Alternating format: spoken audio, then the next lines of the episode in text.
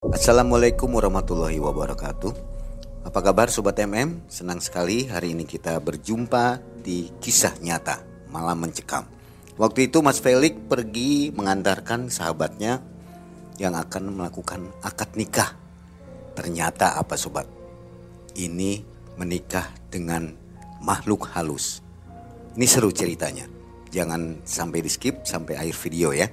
Baik, kita kenalan dulu ke Mas Felix. Apa kabar Mas Felix? Alhamdulillah baik, Mang. Terima kasih ya sudah mau berkisah di Malam Mencekam nih. Ini Mas Felix eh, kegiatannya apa sehari-hari?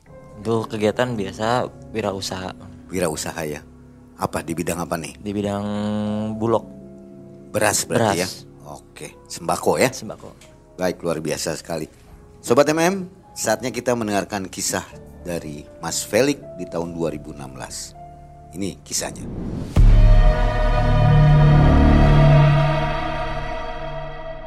Jadi begini, Mang Ei. Saya punya teman di tahun 2016 ini yaitu Doni. Kita lagi ngobrol biasa bertiga Mang Ei sama Rido. Nah, ini tiba-tiba ini si Doni ini WhatsApp saya dengan cara nggak langsung tanpa sepengetahuan si Rido. Bang. Felix lu ada acara nggak?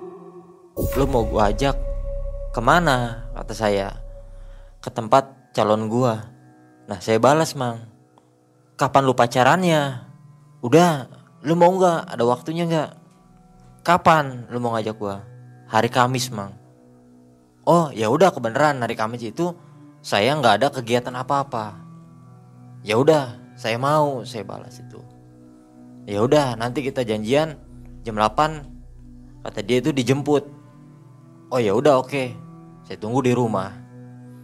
Nah, pas di hari Kamis situ, saya dijemput sama si Doni. Pakai sepeda motornya Vespa itu. Itu ke daerah Rangkas Bitung.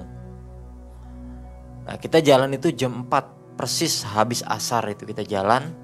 Kita berjalan aman, nggak ada apa-apa. Cuma sepanjang jalan tuh saya bertanya sama si Doni. Dan sebenarnya lu ketemu sama nih cewek di mana? Nah, kata si Doni, gue kenalin di Facebook, klik. Bagus cok ceweknya kata saya. Udah ntar lu lihat sendiri. Oh ya udah. Jalan akhirnya sampailah di stasiun Rangkas Bitung itu. Jarak itu dari rumah sampai di stasiun Rangkas Bitung itu sekitar 2 jam, Mang. Nah, sebelum sampai rumahnya itu, Mang, saya ngelewatin rel dulu, rel stasiun itu. Nah, dari rel stasiun itu itu nggak jauh jarak ada 100 meter, itu kita ngelewatin pematang sawah. Sampai di sana itu habis maghrib sampai di pematang sawahnya itu. Pas kita melewati pematang sawah secara nggak sengaja itu saya ngelihat ke kanan mang, nengok ke kanan, kok ada namanya itu orang-orangan sawah. Tapi saya aneh bingung. Ini kenapa orang-orang sawah kok hitam semua? Nah, saya liatin tuh sepanjang jalan, kok itu orang-orang sawah itu ngikut mang. Saya berjalan di berjalan ke depan tuh minggir minggir. Nah sebelum sampai di pojokan pas sehabisnya pematang sawah itu mang, saya negor Doni. Don, akhirnya berhentilah Doni dengan sepeda motornya itu kan. Iya kenapa Lik? Enggak, gue mau nanya. "Eh, Coba lu tengok ke kanan. Itu orang-orang sawah apa bukan? Nah si Doni nengok mang ke kanan tuh. Ditengok, Iya Lik itu orang-orang sawah kenapa emang? Kok aneh ya? Orang-orang sawah kok bisa jalan Don? Ah mana ada orang-orang sawah bisa jalan kata si Doni itu mang. Coba kata saya kalau lu nggak percaya lu liatin sambil jalan kita pelan-pelan. Nah akhirnya kita jalan pelan-pelan sambil ngeliatin. Ih iya Lik kok orang-orang sawah jalan? Nah gue bilang juga apa? Lu bener nggak ini rumahnya? Lu pernah ke sini?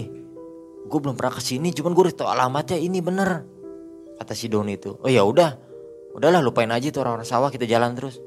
Jalan. Akhirnya dari pematang sawah itu ada jarak sekitar 150 meteran mang kita memasuki kawasan namanya itu TPU mang itu jam sekitar setengah lapanan setengah lapan kurang itu kita masuki pemakaman itu sepanjang jalan kita jalan aja sambil berbincang ria itu ketawa-ketawa nah secara nggak sengaja itu di pas di pertengahan sampai di TPU itu saya nengok ke atas mang. Itu melihat namanya sesosok kuntilanak. Cuman sengaja saya nggak memberitahu si Doni. Saya tahu kan si Doni ini takut mang. Daripada dia kenapa-napa akhirnya ya udah saya diem. Ya udah jalan lagi. Pas habis keluar dari pemakaman itu ada jarak 100 meter lah ke rumahnya itu itu aneh saya ngerasa di situ mang dan saya bertanya lagi sama di Doni ini bener nggak jalannya? Kok ngelewatin TPU lewatin pematang sawah kayak begini? Iya udah lik. Lu diem aja udah. Ikutin gua kata dia tuh. Oh ya udahlah. Akhirnya saya diem nggak jauh itu akhirnya sampailah hampir di halaman mang halaman rumahnya dia. Cuman sebelum halaman rumah itu itu ada namanya pohon bambu itu melingkar mang nutupin. Nutupin kayak gerbang begitu. Kok begini pohon bambu? Sepikiran saya biasanya kalau namanya pohon bambu melengkung gitu kan ada sesuatu mang. Cuman saya nggak mau berani berkata banyak sama si Doni. Akhirnya kita masuk. Nah akhirnya sampailah di depan rumahnya si calonnya ini namanya Rini. Diketoklah rumahnya ini. Tok, tok, tok. Pertama ketokan nggak ada yang keluar. Kedua ketokan nggak ada yang keluar. Dan ketiganya ketokan itu baru keluarlah bapaknya, orang tuanya itu. Keluar dengan jawab waalaikumsalam. Tapi anehnya emang dia salaman sama Doni tapi sama saya nggak mau salaman. Di situ saya bingung lagi. Banyak pertanyaan di otak saya ini banyak pertanyaan. Ada apa sebenarnya ini? Tapi saya nggak menggubris semua itu, Mang. Akhirnya ya udah kita dipersilakan masuk. Kita masuk seperti biasa tuh, Mang. Kalau kita bertamu biasanya kan langsung diseguin air itu. Nah, si bapak itu langsung manggil si ibunya. Bu, nih ada anak Doni. Coba tolong bikinin air, kopi atau teh. Cuman gak ada sautan mang si ibunya. Nah tiba-tiba itu ibunya keluar bawa air itu dengan pakaian itu kebaya ada pakai kerudung. Cuman kerudung sama kebayanya itu zaman dulu. Pas dia naro itu cuman anehnya lagi si ibu itu mang nggak nengok ke mana-mana. Dia duduk diem aja langsung naro nggak nawarin nggak apa langsung balik lagi. Akhirnya kita diminum segelas kopinya itu si bapaknya langsung bertanya sama si Doni.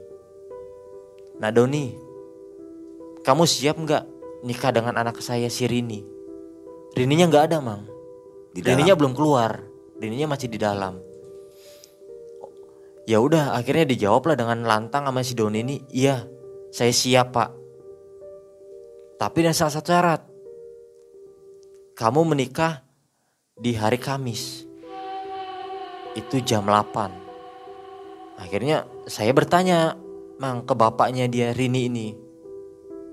Maaf bapak kalau boleh saya nanya. Ini kenapa kok menikahnya di hari Kamis udah begitu jam 8 malam? Kenapa nggak bisa di hari Sabtu atau minggu lainnya? Tapi saya malah dimarahin mang sama si bapaknya. Ditunjuk saya. Kamu siapa? Maaf bapak, saya temannya Doni, kata saya itu. Saya ke sini hanya mengantarkan teman saya. Jawab bapaknya dengan lantangnya lagi, mang. Saya nggak ada urusan sama kamu. Udah kamu diem, ini urusan saya sama Doni. Dan di Doni pun di situ nggak ada kata-kata apa pun, diem mang. Tanpa ada pembelaan ke saya itu nggak ada. Akhirnya ya udah pak maaf saya bilang kalau emang ada pertanyaan saya ada yang tidak enakan di bapaknya. Akhirnya sehabis itu kita pulang. Pulang itu dengan lewatin pemakaman tadi itu man, itu ada yang ganjil lagi. di pertengahan itu mogok motor itu kita udah coba kita selak itu nggak hidup saya sampai nanya ke Doni Don ini motor businya baru apa enggak kata si Doni jawabnya baru lik orang tadi sebelum berangkat udah gue ganti ke bengkel. Terus ini kenapa bisa mati? Mana kata saya mana yang di tengah kuburan lagi. Mana malam Jumat. Ah udahlah jangan mikir yang enggak enggak kata si Doni itu. Bikin takut gua aja lu. Oh ya udah ya udah. Akhirnya kita jalan pelan pelan mang. Capek saya saya bilang ngedorong motor itu kan. Dan cobalah sini gue yang nyala kata saya. Saya baca Bismillah. Bismillahirrahmanirrahim. Mudah-mudahan nyala yuk disela akhirnya nyala mang. Itu sehabis lewatin makam itu nyala itu.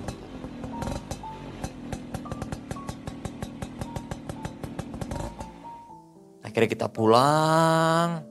Nah sepanjang jalan itu saya ngobrol sama si Doni. Don kok perasaan gua nggak enak ya Don ya? Ada yang aneh sama keluarga calon lu. Kata si Doni apaan sih orang gue biasa-biasa aja. Lu nggak seneng lu ngeliat gue lagi seneng kayak gini pengen nikah? Iya bukannya gitu kata saya ke, ke Doni mang. Jadi saya seneng aja Don ngeliat lu pengen nikah. Ya udah kalau emang gue salah ya gue minta maaf lah kata saya tuh. Akhirnya kita pulang sampai di rumah itu. Nah kita sampai di hari H mang. Itu tanggal 13 Oktober 2016 itu hari Kamis mang kita udah siap-siap itu kita nyiapin dua mobil mang. Yang di mobil merah itu Yaris itu saya Rido sama Doni. Dan di mobil yang EPV-nya itu supir sama keluarganya dia aja. Orang lain gak ada yang ikut mang. Bapak ibunya ikut itu ada di mobil EPV kita pisah karena mobil Yaris itu kan kecil emang nggak muat ya. Jadi kita taruh di mobil EPV sebelum jalan itu saya ngasih tahu ke si supir yang EPV ini mang ini tempatnya. Persis itu jam 4 lewat 5 itu kita jalan karena kita ngobrol jam 8 ini. Kita jalan beriringan masih beriringan itu mang jalan. Akhirnya nah mobil ini mobil saya yang isi ini bensin udah mau habis mang. Akhirnya kita isi dulu berdua nih. Masuk tong bensin kita isi. Mobil masih ngikut mang. Si EPV ini masih ikut. Nah sehabis dari pom bensin itu akhirnya kita jalan beriringan mang itu se sebelum sampai di stasiun itu kan ada namanya itu warung mang. Di sebelum rel itu ada warung. Nah saya nunggu di situ. Karena mobil ke dalam nggak bisa mang. Itu hanya jalan sepetak. Arah mau ke rumah Cirini itu. Diparkir di warung, Mang. di warung diparkir. Tapi si mobil FPV ini nggak ada mang. Belum sampai. belum sampai. Mikir saya kan belum sampai. Ya udah saya ngomong sama Doni dan ini mobil PV belum sampai nih gimana? Orang tua lu. Ya udah kita tunggu di warung aja dulu Lik. Sambil minum dulu. Oh ya udah. Ada sekitaran 15 menit hampir 20 menitan mang. Saya nunggu. Akhirnya nggak datang datang akhirnya saya telepon. Itu yang si supir EPV itu. Mang Aya namanya itu. Halo assalamualaikum. Ya Mang. Saya mau nanya lagi di mana? Kok belum sampai sampai ini saya udah sampai di tujuan coba Mang Aya berhenti dulu coba. Ini masalahnya masih jauh banget tadi orang jaraknya sama kita kok deket. Iya iya iya. Akhirnya berhenti. Kita arah ke Parung. Dia tiba-tiba ada di Tajur Bogor. Padahal Sherlock itu sudah saya kasih. Akhirnya saya marah-marah sama si Mang Aya itu. Mang coba lihat Sherlockannya lagi. Bener nggak? Akhirnya dilihat ih iya Mas Pelik saya ada di Tajur kenapa bisa digini kata si Mang Aya ya udah saya tunggu. Di warung akhirnya. Akhirnya tunggu nggak lama itu kita da- saya dapat kabar lagi dari Mang Aya dan keluarganya. Mang Felix mohon maaf. Kata si bapak sama si ibu kayaknya kita nggak bakal ke Uber kalau ke sana itu sampai jam 8 kita semua ini ngutusin untuk pulang. Nah kata si bapak untuk wali si Mas Doni Mas Pelik sama Mas Rido karena yang bertiga di mobil itu saya bertiga Mang. Oh gitu ya udah. Akhirnya mobil kita parkir mang. Mobil kita parkir, akhirnya kita jalan. Itu kita belum nggak ngasih tahu ke warung itu mang. Si warung itu nggak nanya, maksudnya nggak kita mau ke mana itu nggak nanya. kita bayar kita jalan akhirnya bertiga lewat pematang sawah itu lagi yang anehnya lagi mang itu namanya orang-orangan sawah yang saya lihat pertama itu nggak ada. Nggak ada sama sekali. Nah di situ pun orang namanya lalu lalang itu nggak ada mang sepi benar-benar sepi itu. Itu keadaan hampir jam 8 akhirnya kita jalan bertiga tuh nah si Rido ini gempet-gempet saya. Lik, lik. Kenapa dok? Itu karena si Doni udah duluan mang. Dia sampai saking nggak mau taunya si Doni, dia nanya sama saya. Lik, iya dok kenapa? Ini nggak salah tempatnya.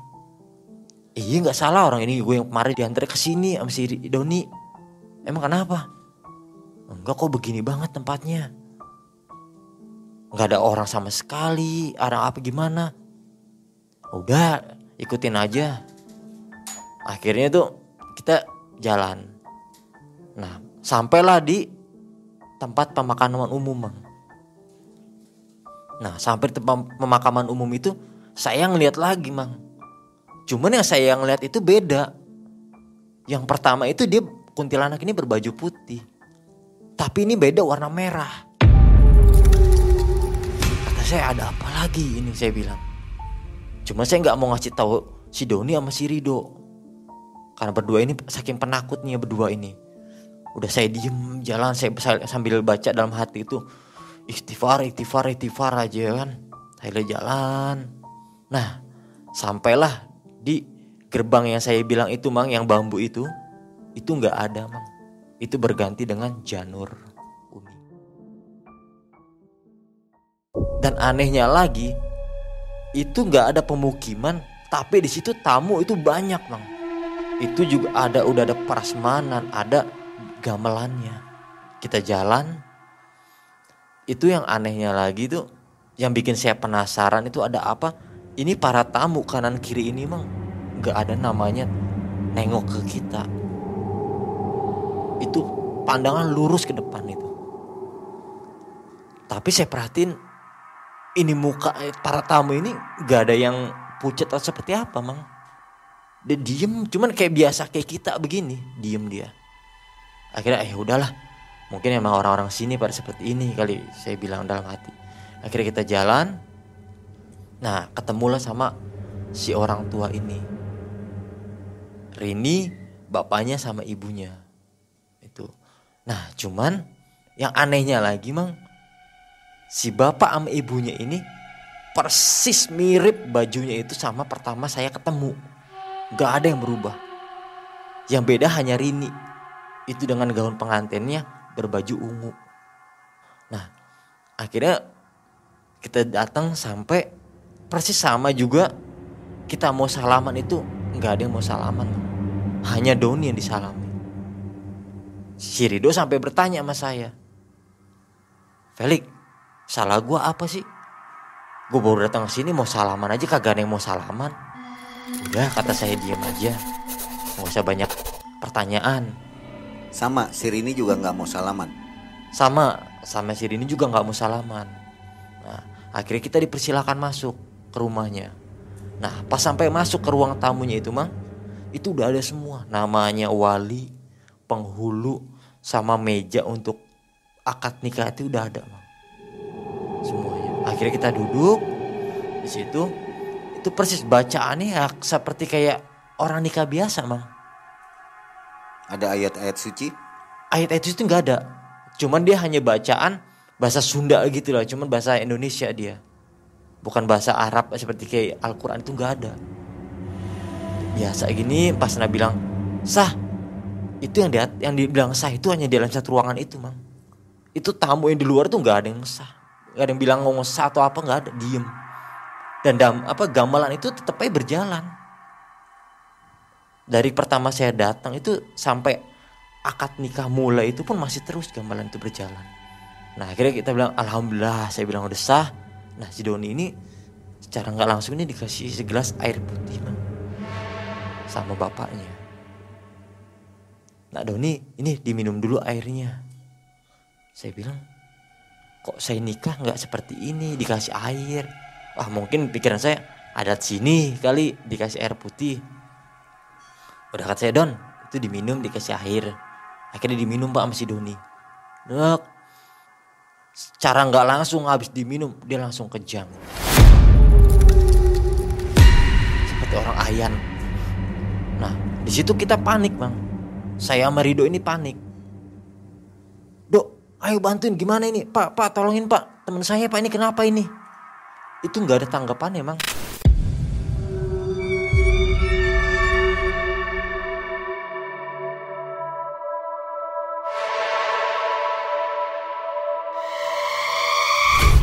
dari keluarga mereka itu si keluarga Sirin itu nggak ada tanggapannya. Sampai si penghulu pun itu diem semua. Nggak ada yang berwajah panik atau nggak ada mang. gelisah gitu nggak ada. Itu malah mukanya para pucat semua mang. Dengan muka pucatnya beda persis pertama kita datang. Itu langsung beda berubah. Si Rini sama si keluarganya itu. Akhirnya yaudah saya ngutusin sama si Rido dok udah ayo kita bopong berdua. Kita cari klinik yang terdekat kita kita jalan keluar rumahnya itu sambil lewatin para tamu itu mang. Itu para tamu pun anehnya nggak ada yang nengok mang. Bantuin pun nggak ada. Tetap dengan pandangan lurusnya dia. Ah kata si Rido udah lik gak usah ngurusin yang lain. Udah kita tolongin si Doni gimana caranya? Nah kita sepanjang jalan itu sambil ngobrol sama si Doni itu nah, banyak tanya mang. Lik ini kenapa sih kok aneh banget kayak begini sih? Orang nikah gue juga nggak tahu dok. Gue nikah juga nggak seperti ini kata saya itu. Udah hiburan lah. Sambil tergesa-gesanya itu kita jalan buru-buru itu mang. Langsung kita masukin mobil ke si Doninya ini. Sampai di mobil saya keluar lagi mang. Nanya sama si teteh warung. Karena saya kan nggak tahu untuk daerah situ untuk kliniknya. Saya nanya sama si teteh teh maaf numpang nanya. Klinik terdekat di sini di mana waduh dilihat sambil tetehnya itu nggak sengaja ngelihat jam. Wah jam segini. Wah mungkin masih buka dalam hatinya si teteh itu. Ini masnya keluar aja nanti ada perapatan ambil ke kiri kata dia itu. Ada jarak sekitar 500 meteran. Oh ya udah. Terima kasih teh. Saya langsung masuk lagi ke mobil. Saya langsung jalan mobil mang. Saya gas langsung cuman nggak bisa mobil kencang mang. Karena jalan sepanjang jalan itu mobil jalan rusak jadi jalannya pelan-pelan. Nah sepanjang jalan itu kita si si Rido ini sambil megangin si Doni. Karena takut kenapa-napa saya saking gugupnya bawa mobil itu udah hampir kehilangan kendali emang saya emang sampailah di klinik itu langsung saya gedor itu klinik. Tolong tolong tolong dok dok tolong dok buka dok tolong dok buka dok. Keluarlah penjaga emang itu perempuan masih muda nah dia keluar ada apa pak? Sus ini tolong sus teman saya sus. Di mobil sus. Kenapa? Ya tolong tolong udah tolong. Saya angkat berdua sama si Rido saya taruh di tempat tidur rumah sakit klinik itu. Nah akhirnya si suster ini dipanggil lah dokternya mang dokter jaganya. Nah dokter jaga kenapa pak ini bisa begini? Nggak tahu dok teman saya dok sehabis minum air putih kok tiba tiba-tiba begini? Oh ya udah coba saya cek dulu kata si dokternya. Nah akhirnya sama si dokter dicek denyut nadi jantung apa semua dicek. Nggak ada apa-apa mang aneh mang. Sampai si dokter itu bertanya sama kita berdua ini si pasien punya riwayat penyakit atau enggak Kalah, saya ngomong sama si dokter, dok, setahu saya ini si Doni dari kecil sama saya ini nggak pernah namanya penyakit seperti ini dan keluarganya pun nggak pernah ada penyakit seperti ini karena dia teman kecil kita. Aduh ini kenapa ya? Kok aneh? Saya periksa denyut nadi aman mas, jantung pun aman semua. Coba si dokter ini malah nyaranin langsung seketika coba kamu bawa ke orang pinter Nah si Rido nanya sama saya Lik Kenapa dibawa ke ruang pinter? Nah saya jawab sama si Rido kan Gue juga gak tahu dok. Kenapa harus dibawa ke ruang pinter? Orang dokter si dokter ini nanya Malah ngusulinnya. Saya nanya langsung ke dokter Dok kenapa? Kok dokter bisa langsung ngusulin saya harus bawa ke orang pinter? Emang teman saya kenapa? Gini mas ya Kata si dokternya. Masalahnya beliau ini riwayat nggak punya saya sudah cek semuanya pun aman. Oh ya udah. Akhirnya si Rido langsung ngusul ke saya udah lik kita bawa pulang. Nanti kita cari orang pintar aja di rumah.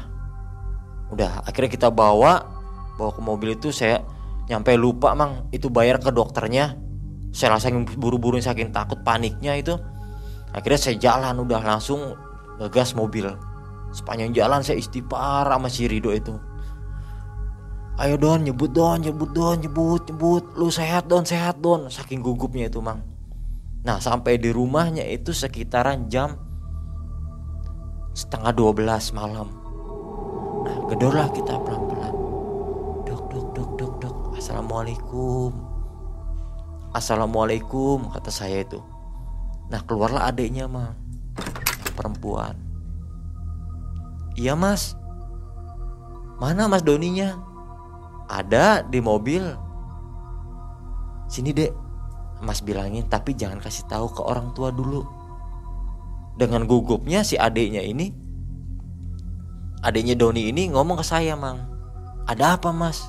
Kok nggak sih nggak boleh ngomong kencang-kencang atau nggak boleh tegang?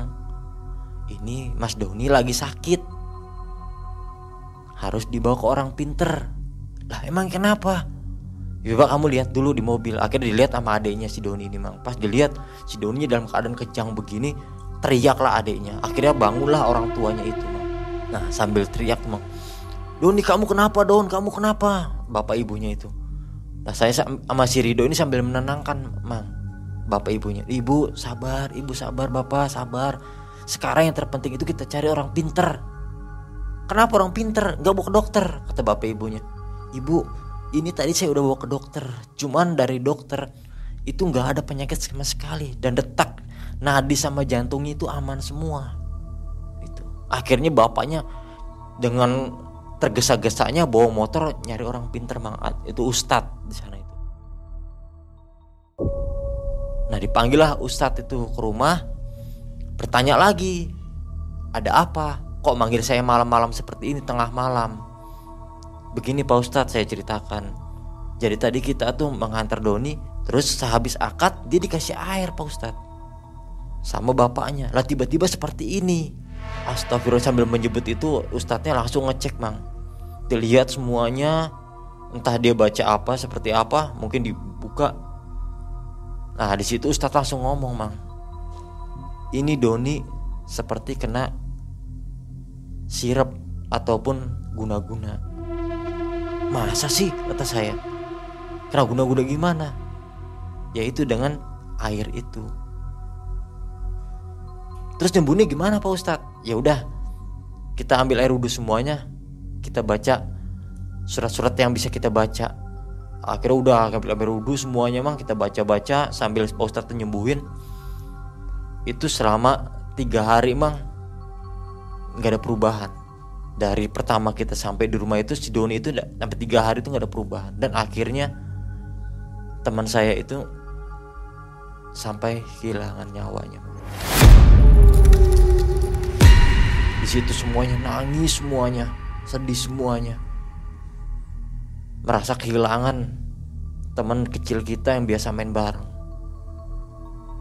Nah sehabis pemakaman itu kita akhirnya ikut pemakaman mang ya kan? Nah, pemakaman karena saking kita sedihnya itu itu nggak terjadi apa-apa pemakaman Doni itu. Normal biasa.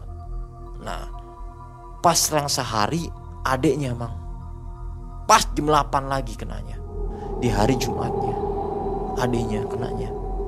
Sama persis kayak almarhum. Dia kejang-kejang nggak cuman si adiknya ini nggak bertahan lama nggak kuat seperti Doni. Sampai akhirnya beliau meninggal juga. Di situ kita sama saya sama Prido ini sempat banyak pertanyaan. Ada apa sebenarnya semua ini dibalik semua ini mang? Kenapa bisa seperti ini? Kok ada dari si Doni adiknya itu kok meninggalnya seperti ini akhirnya saya sama si Rido ini punya ide mang. Dok apa? Gimana kalau kita kupas tuntas nih masalah ini? Kita cari tahu ada apa ini. Caranya gimana lik? Kita datang ke sana lagi. Ah gua rada-rada takut lik. Ntar gua ya minta jangan bayi ya kayak mati kayak begini juga. Ah, lu percaya aja kayak begituan. Mati hidup di tangan yang di atas dok ya udahlah. Nah akhirnya kita cari waktu mang. Ya udah kapan lu liburnya? Liburnya minggu depan. Oh ya udah. Lu bisa nggak? Lik minggu depan. Saya lihat jadwal. Oh ya udah. Jadwal saya bisa mang. Akhirnya sebelum perjalanan di hari minggu itu kita mau jalan itu pas di hari Kamis bapaknya si Doni kena seperti itu lagi mang itu persis jam 8 lagi kenanya. Nah akhirnya beliau meninggal bapaknya itu langsung disolatin semua segala macam malam itu dimakamin. Cuman anehnya pemakaman pas digali itu berisi air mang. Jenazah ini belum sampai ke pemakaman. Nah orang pemakaman ini ngasih kabar ke si Pak Ustadz Pak Ustadz ini kenapa pemakaman ini? Kok setiap digali keluar air?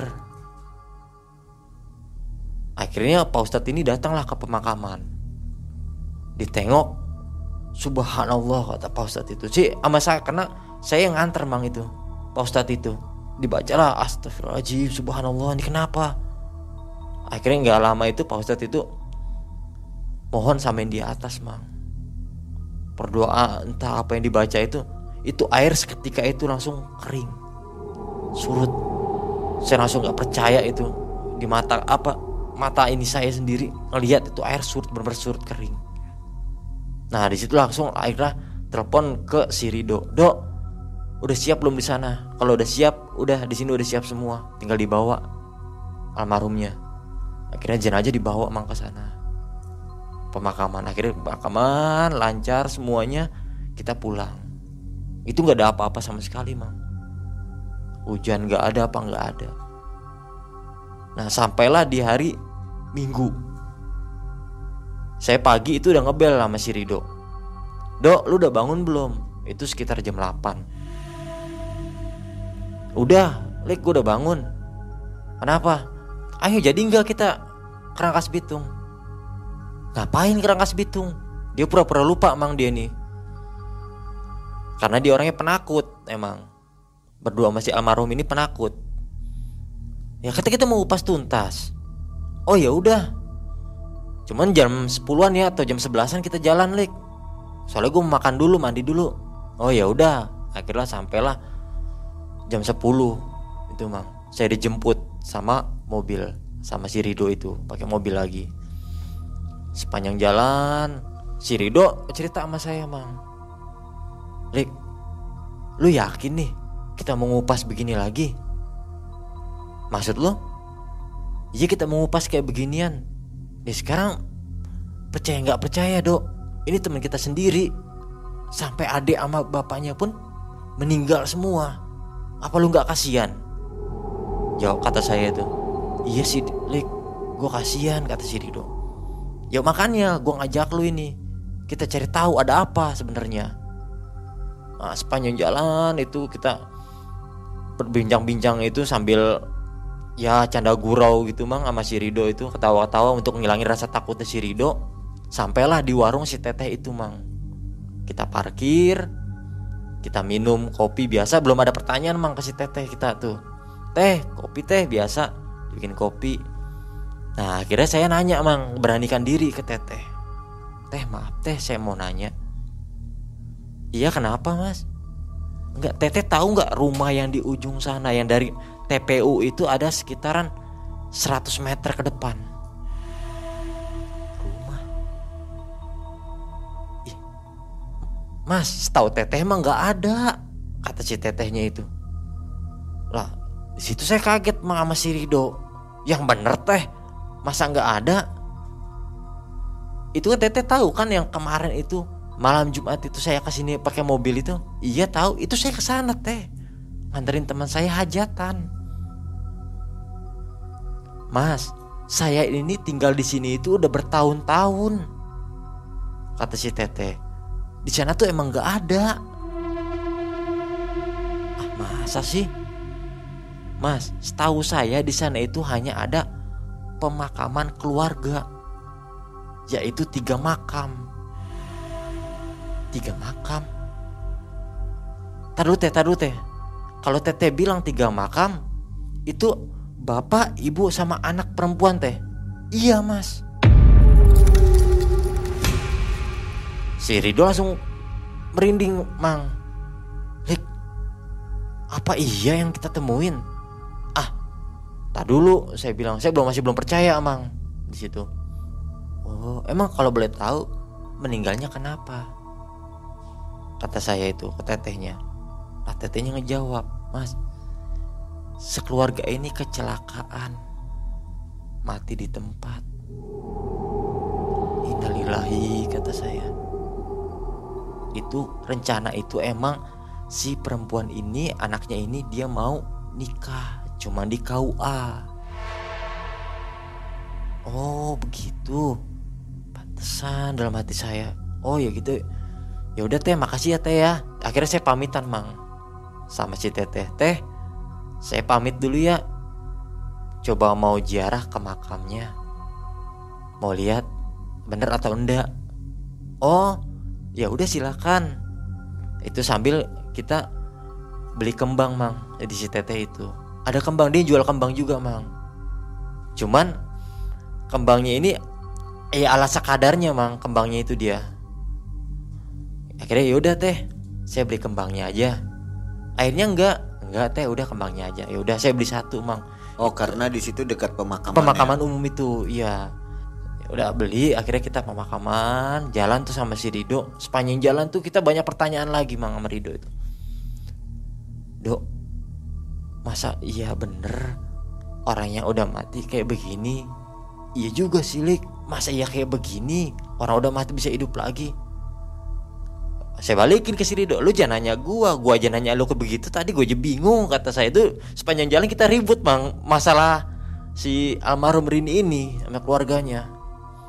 Nah sampailah di pemakaman si Rido ngomong Rik, udahlah jangan cerita gituan. Ini udah di kuburan nih gue takut saya ngomong sama si Rido kan dok siang begini mah nggak ada namanya hantu atau seperti apa pun siapa itu pun lalu lalang nggak ada mang dan Lu tahu sendiri kan, semalam itu banyak kan orang-orang.